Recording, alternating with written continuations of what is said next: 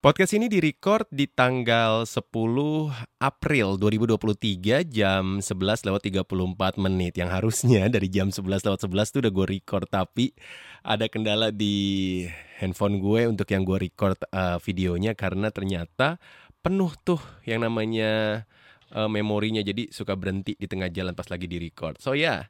Selamat datang di podcast Before I Sleep untuk episode yang di mana Sebentar gue colokin laptop dulu. Oke. okay kedengeran ya episode ke-19 dan eh, sorry banget buat lo yang sudah nunggu lama akhirnya update lagi dan gue akan berusaha untuk seminggu sekali atau juga bahkan lebih di setiap minggunya untuk update so Dodo harap yang pastinya menjadi teman lo di podcast yang selalu menemani lo ketika lagi mau tidur, overthinking setelah beraktivitas atau menuju tempat alokasi aktivitas lo. This is Before I Sleep. Welcome back to Before I Sleep. With me, Dodo Harahap. Dulu tuh gue awalnya ini ya, selalu skeptis kalau bulan Ramadan tuh gue eh, nggak uh, berani buat ngopi karena gue tuh punya uh, sugesti kalau gue ngopi itu pasti akan aus banget ketika gue lagi menjalankan uh, ibadah puasa di siang harinya. Tapi ternyata sekarang ini gue baru tahu nih karena asli sini gue baru tahu ketika gue memperdalam literatur, cu literatur bahasa lo. Memperdalam jurnal gue dari konten-kontennya Mas Aderai. Lo tau gak sih kontennya Mas Aderai itu di uh, dunia Aderai yang ada di YouTube. Jadi gue baru tahu kalau kopi itu bisa memblok perut kita kalau lagi craving mau makan sesuatu. Jadi buat lo yang habis buka puasa, udah makan gitu ya, makan besar sampai jam 7 Terus lo ngopi aja gitu ngezip-ngezip gitu ya Kayak gue gini nih, secangkir terus kayak di dikit aja dikit-dikit. Itu ternyata akan mempertahankan uh, hasrat lo buat lapar gitu ya. Itu akan menahan lo sampai nanti sahur. Dan itu udah gue terapin ketika selama gue ketika sebelum Ramadan tahun lalu ya jadi habis Ramadan tuh gue setahun sampai ketemu Ramadan lagi gue menjalankan intermittent fasting dan ternyata it's work. Gue bisa turun banyak banget dan gue bisa manage uh, lambung gue karena kan waktu itu kan gue kan timbangan gue tuh 107 kg gara-gara habis pandemi nggak ke mana-mana pola makan begitu aja. Ya udah kira kayak bad habit gitu. Nah gue bersyukur banget sih karena ketika ketemu kontennya Mas Adera terus ngobrol sama istri gue juga gue dikasih um, apa ya bisa dibilang ya dibuatin format tuh sama istri gue. Ya istri gue bekas PT by the way. Masih uh, aktif juga di fitness industry dan wellness and health.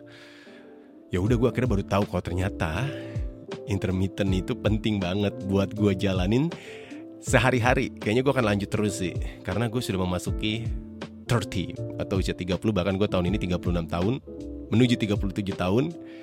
Ya udah kayak ya udahlah gue intermittent aja lah menekan segala-galanya, menekan nafsu makan, menekan uh, gula darah gue juga, terus juga semoga metabolisme gue juga membaik sih.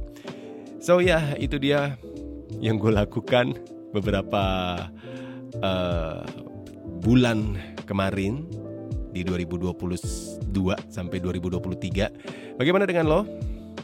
Gue harap sih lo sih sehat selalu ya dan uh, eh, gue harap juga semakin ke sini juga lo nggak terlalu overthinking lagi karena um, ini sih akan gue bahas di episode kali ini.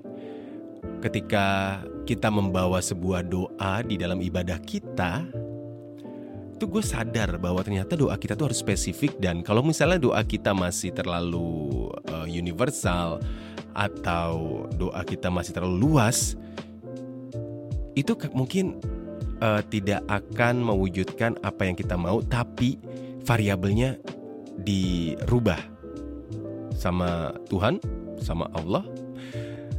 Itu sih yang akan gue bahas kali ini. Tapi gue mau ingetin lagi buat lo, gue punya audio series di Noise, gue tulis dan uh, diproduksi bareng-bareng sama teman-teman lagi Creative Playground dari Mahaka Radio Integra. Jadi nama divisinya adalah lagi LAGY buat lo mungkin yang bekerja di sebuah perusahaan membutuhkan uh, lini bukan lini sih. Gue nyebutnya apa ya kalau lagi tuh ya? Divisi kreatif. Karena kalau lo lihat di uh, Instagramnya lagi at hello lagi ini divisi yang baru ini menobatkan dirinya sebagai advertising and marketing. Jadi gue kayak, oh my god, ini jadi zaman dulu gue tuh pengen gue kerjain ketika gue menjadi mahasiswa advertising, tapi gue hanya hmm, sebatas sebagai VO talent. Sekarang gue bisa ikut bareng-bareng seru-seruan tuh kayak ah seneng banget di usia gue sekarang ini gue bisa menjadi anak iklan sedikit gitu ya.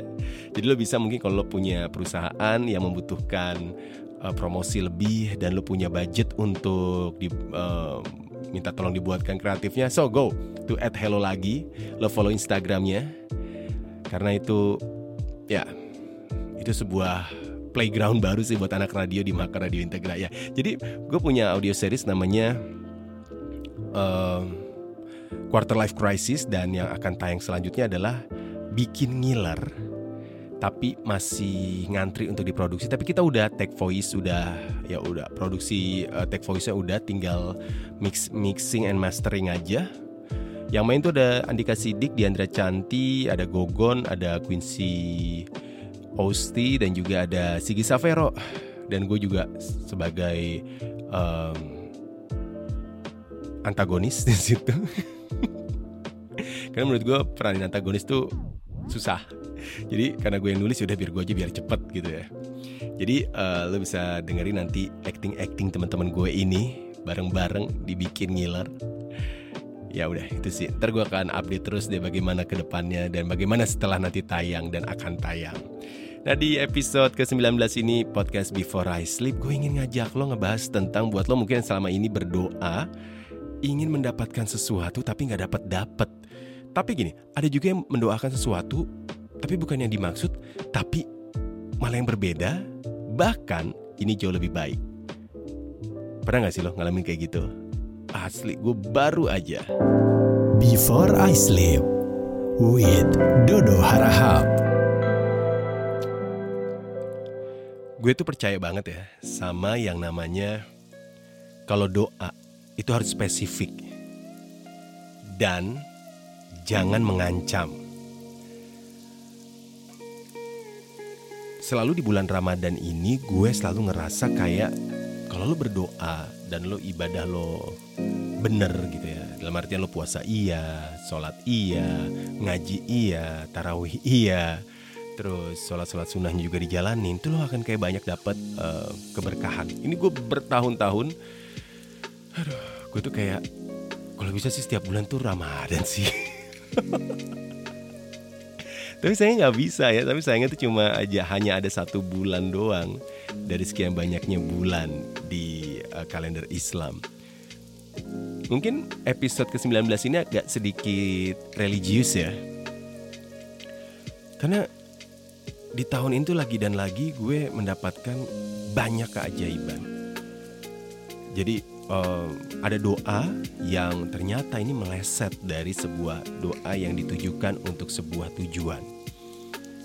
Jadi sebagai VO talent kan berarti hidup gue kan harus selalu pitching, audisi, casting suara untuk bisa mendapatkan sebuah project iklan.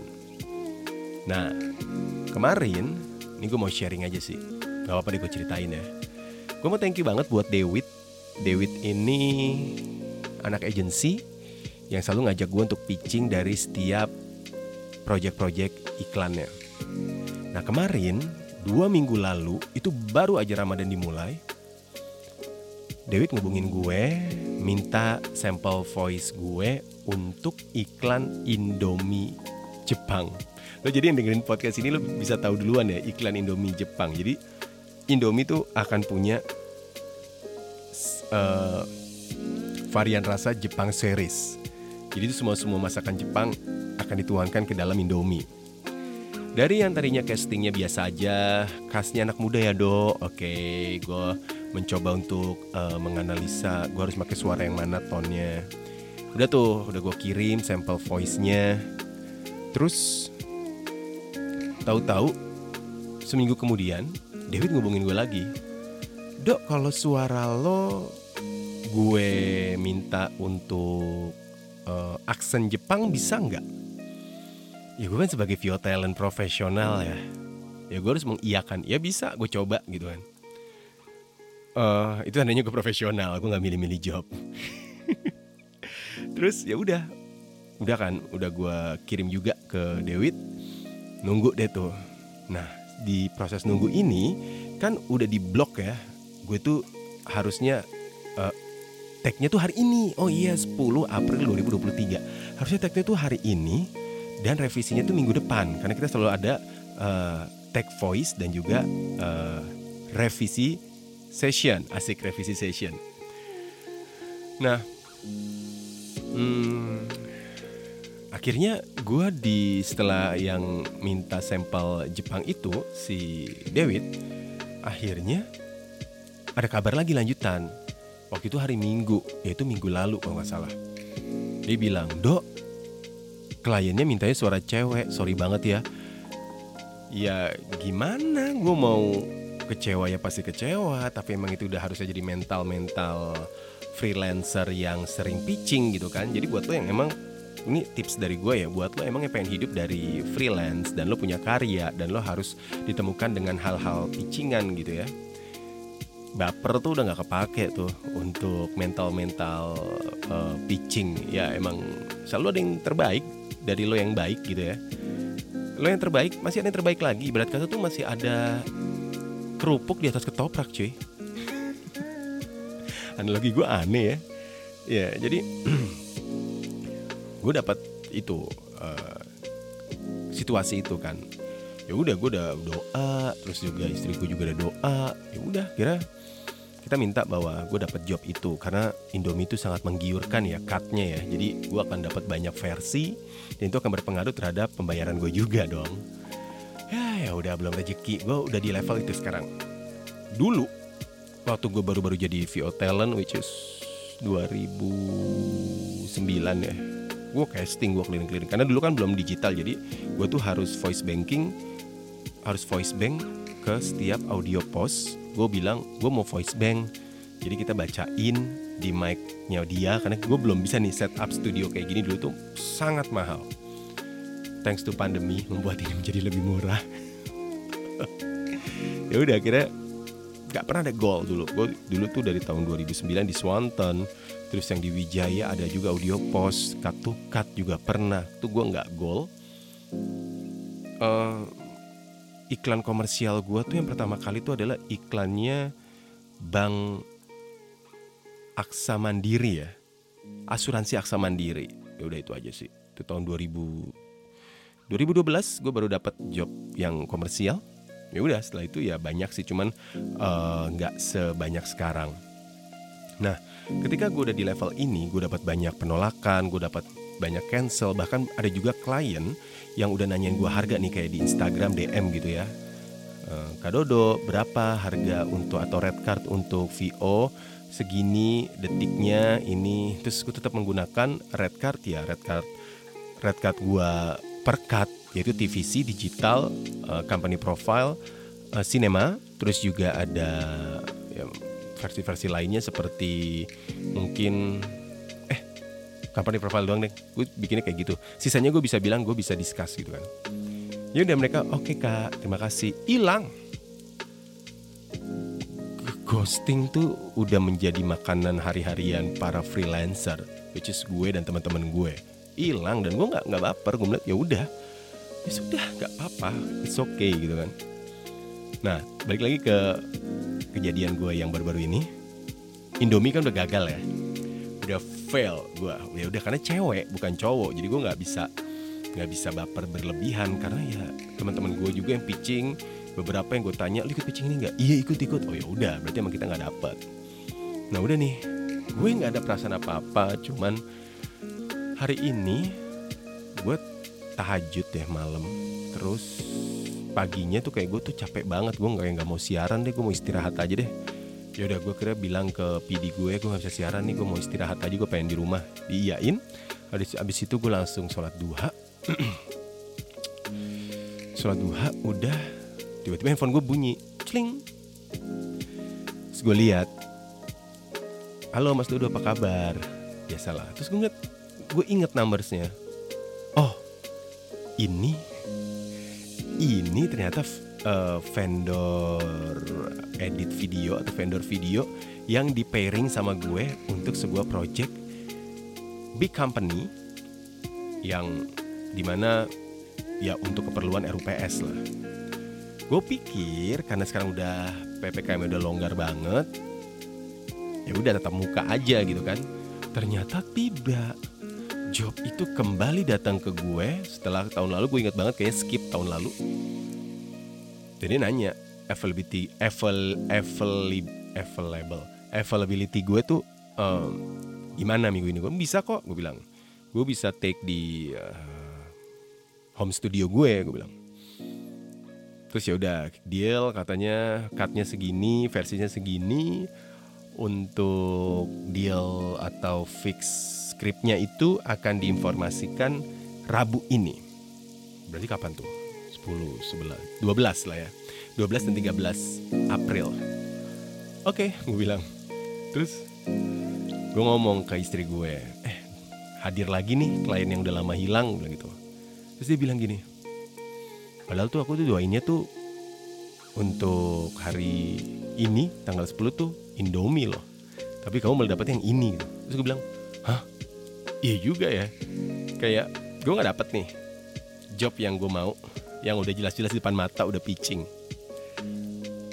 Udah ya di cut ya. Udah karena ganti ganti talent gitu kan cewek gender lagi.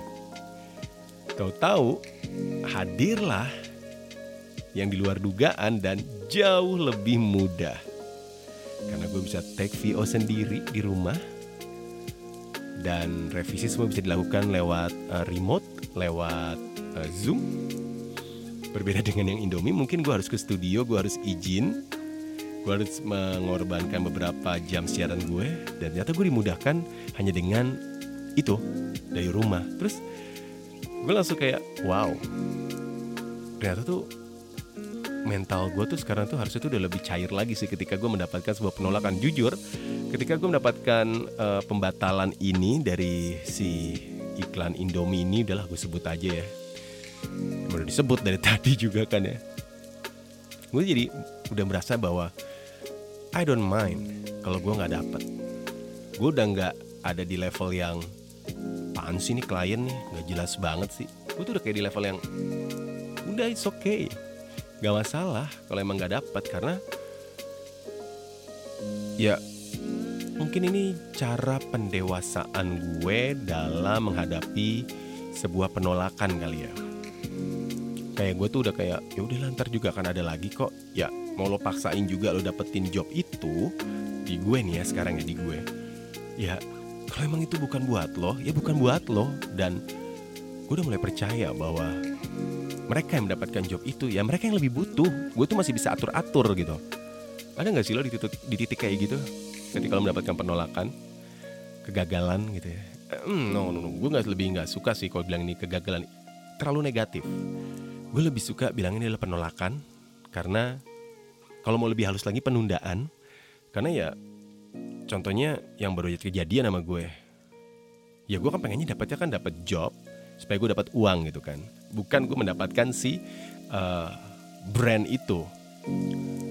Intinya dapat dapat juga cuma beda brand tapi mungkin nominalnya value nya sama. Nah gue udah di titik itu tuh. Gue tuh udah, udah di titik kayak ya iya lagi. Makin ke sini tuh kayak ya nggak apa-apa gue gagal. Tinggal mungkin gue doanya adalah lebih spesifik lagi aja gitu karena gini ya gue tuh di masa-masa umur 33 tahun ke bawah jadi umur 33 sampai umur 20 tahun atau bahkan umur 17 tahun. Oh ini gokil sih. Dulu baru-baru SMA lulus gue gue tuh casting iklan kenceng banget. Gue pengen pengen dapetin duit sendiri. Gue mikir kayak gue pengalaman belum ada gue cuma ngisi waktu buat nunggu kuliah masuk gue ngapain nih casting iklan kali ya. Casting gue ke ke PH PH gue foto profile kenalin diri. Gue ingat banget iklan tim tem pernah yang sama titik kamal. Ternyata gue kurang gendut. Terus gue casting rokok pernah. Casting iklan permen pernah dan itu nggak ada yang gol. Gue udah foto sana sini nggak ada yang gol sama sekali. Dan gue beranggapan bahwa uh, muka gue kayak begini tapi ternyata mungkin gue kurang karakter kali ya kalau buat iklan. Dan akhirnya gue mencoba untuk balas dendam dengan masuk advertising uh, jurusan advertising karena gue pengen pengen pengen tahu apa sih yang membuat uh, sebuah talent itu terpilih. Ternyata makin ke situ gue makin tahu bahwa itu semua tuh ada di, di klien. Kalau klien gak suka ya udah dia nggak bakal milih lo. Dan itu sama kejadian sama uh, pitching VO gue. Kalau klien gak suka suara lo ya udah dia nggak bakal milih lo seterkenal apa pun lo. Dan itu kejadian di beberapa brand yang sebelumnya gue take uh, menggunakan voice gue untuk iklannya. Ya jadi makin ke sini tuh gue makin merasa bahwa buat apa sih? Lo tuh sampai ngejatohin orang lain untuk bisa mendapatkan sebuah uh, pencapaian. Buat apa juga sih? Lo mencoba untuk menggeser teman lo supaya lo bisa mendapat kedudukan itu. Dan buat apa juga lo marah sama Tuhan ketika doa lo tuh nggak diijabah atau dikabulkan? Karena gue percaya banget ya di setiap doa yang lo keluarkan dari mulut lo itu nggak mungkin gak didengar. Kemungkinan cuma ada dua. Ditunda karena belum saatnya. Yang kedua ditunda karena lo belum siap menerimanya. Before I Sleep with Dodo Harahap. Udah di titik itu sih gue sekarang ini. Udah kayak ya udahlah, gue gagal, gue gimana ya udah. Semua udah ada timetable-nya, udah ada schedule-nya, udah ada waktunya sih. Jadi buat lo yang emang sampai sekarang ini masih memperjuangkan untuk bisa mendapatkan sesuatu berjuang terus berdoa terus ya itu sih saran gue sih jangan sampai lo stop karena lo nggak bisa dapetin apa yang lo mauin karena ini yang lagi banyak juga sih berseliweran di konten-konten TikTok lo berubah haluan lo harus siap mulai dari nol tapi kalau lo mencoba terus tidaknya lo udah ada naik satu titik dibandingkan lo ganti haluan. Kalaupun lo mau ganti haluan, lo harus siapin dulu. Jangan sampai lo tinggalin uh, sesuatu yang udah lo jalanin ini. Semoga episode kali ini yang di episode 19 bisa mewakili perasaan lo bahwa doa tidak selalu diijabah tapi mungkin akan ditunda atau diganti variabelnya. Thank you banget buat lo yang sudah mendengarkan episode ke-19 Podcast Before I Sleep. Kita ketemu lagi di episode selanjutnya. Jangan lupa buat lo follow Instagram At Dodo Harahap dan juga at podcast B4 I Sleep. Subscribe juga di aplikasi Noise Dan juga follow juga di aplikasi Spotify Dan juga untuk subscribe di YouTube channel Kita ketemu lagi di next episode So thank you Selamat istirahat Dodo Harahap out I'll see you next episode. Thank you for listening before I sleep. I'll see you next episode.